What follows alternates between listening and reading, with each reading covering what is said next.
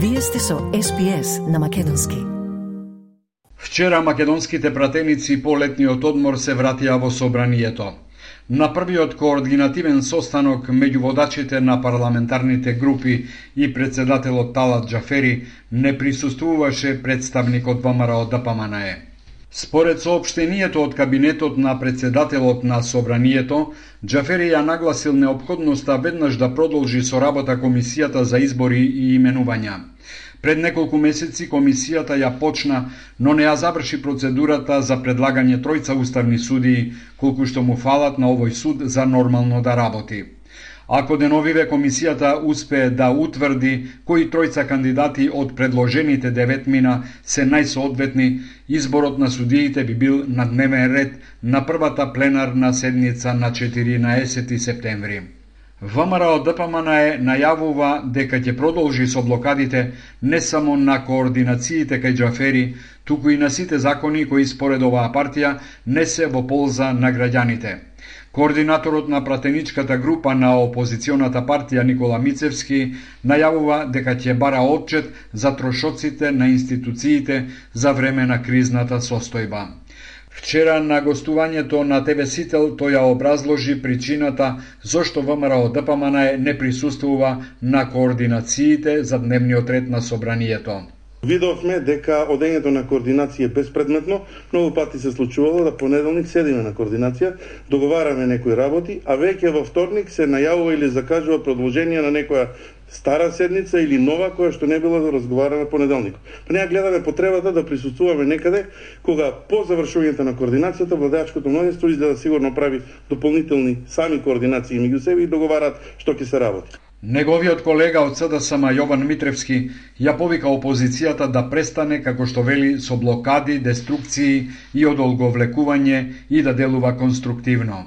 Да не се дозволи да се повтори она што се случуваше во собранието, неразумни обструкции, блокади на важни закони за граѓаните, одолговлекување на пленарни заседанија и седници на собраниските комисии.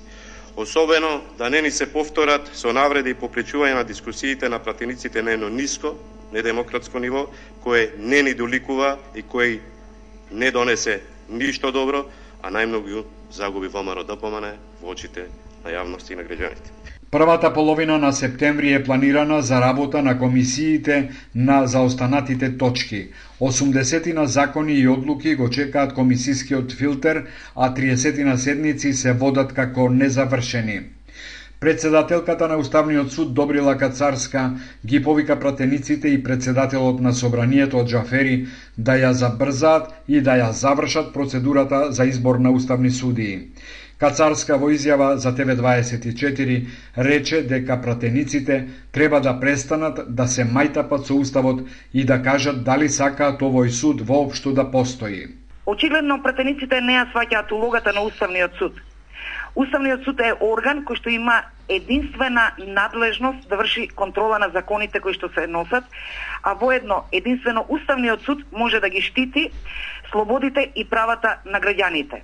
Со самото тоа што Уставот, Уставниот суд нема да може да работи, бидејќи ќе немаме кворум, значи дека во државата ќе имаме уставна криза. И тоа значи дека треба да се стави клуч на Уставниот суд. Координаторот на пратеничката група на СДСМ и владеачката коалиција Јован Митрески не даде конкретен одговор кога ќе продолжи изборот за предлог за избор на уставни судии. Денес направивме обид за контакт со опозицијата се уште тоа не е остварено, најверојатно утре или задутре ќе продолжи со работа комисијата да за избори. ВМРО ДПМН е пак чека СДСМ да закаже седница на комисијата.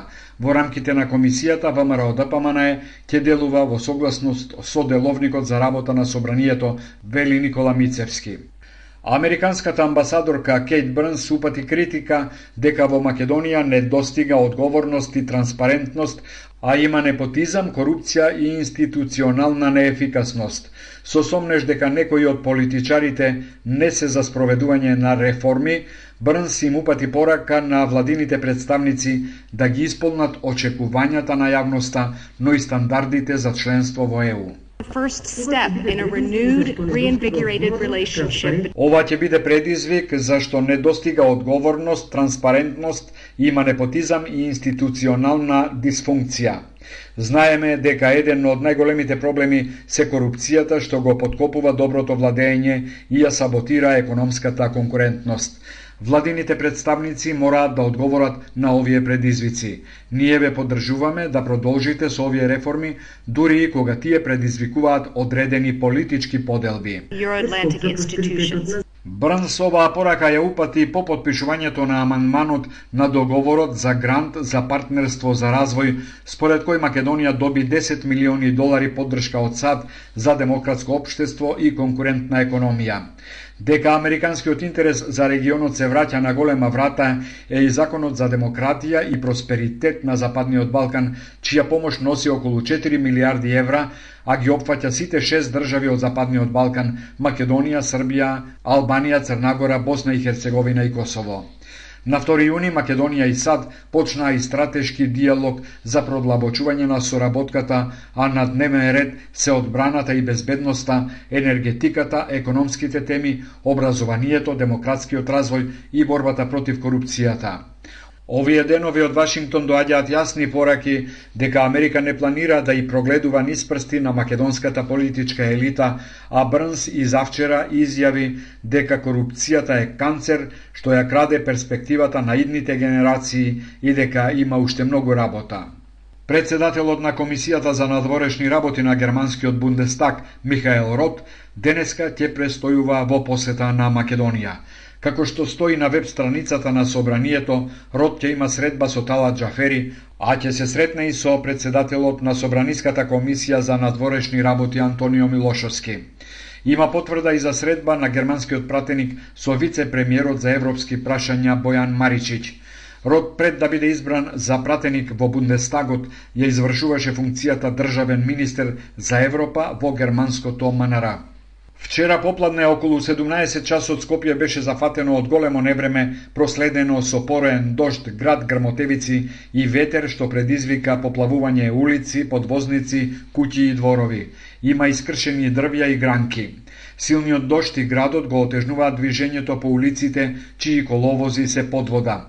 Ова за медиумите го потврди и директорот на Центарот за управување со кризи Стојанче Ангелов. Најважно за нас е тоа што нема загинати, нема ниту сериозно повредени граѓани од денешното невреме, а повеќе од 30 дрва и неколку бандери паднаа во текот на невремето, Некои од нив предизвикаа прекин на сообраќајот, но имаме и неколку карактеристични случаи кога дрво во бутел падна врз возило во кое што имаше двајца граѓани, кои што би рекол во овој момент според информациите кои што ги имаме се полесно повредени. Едниот патник има повреда на главата, другиот на раката и ногата.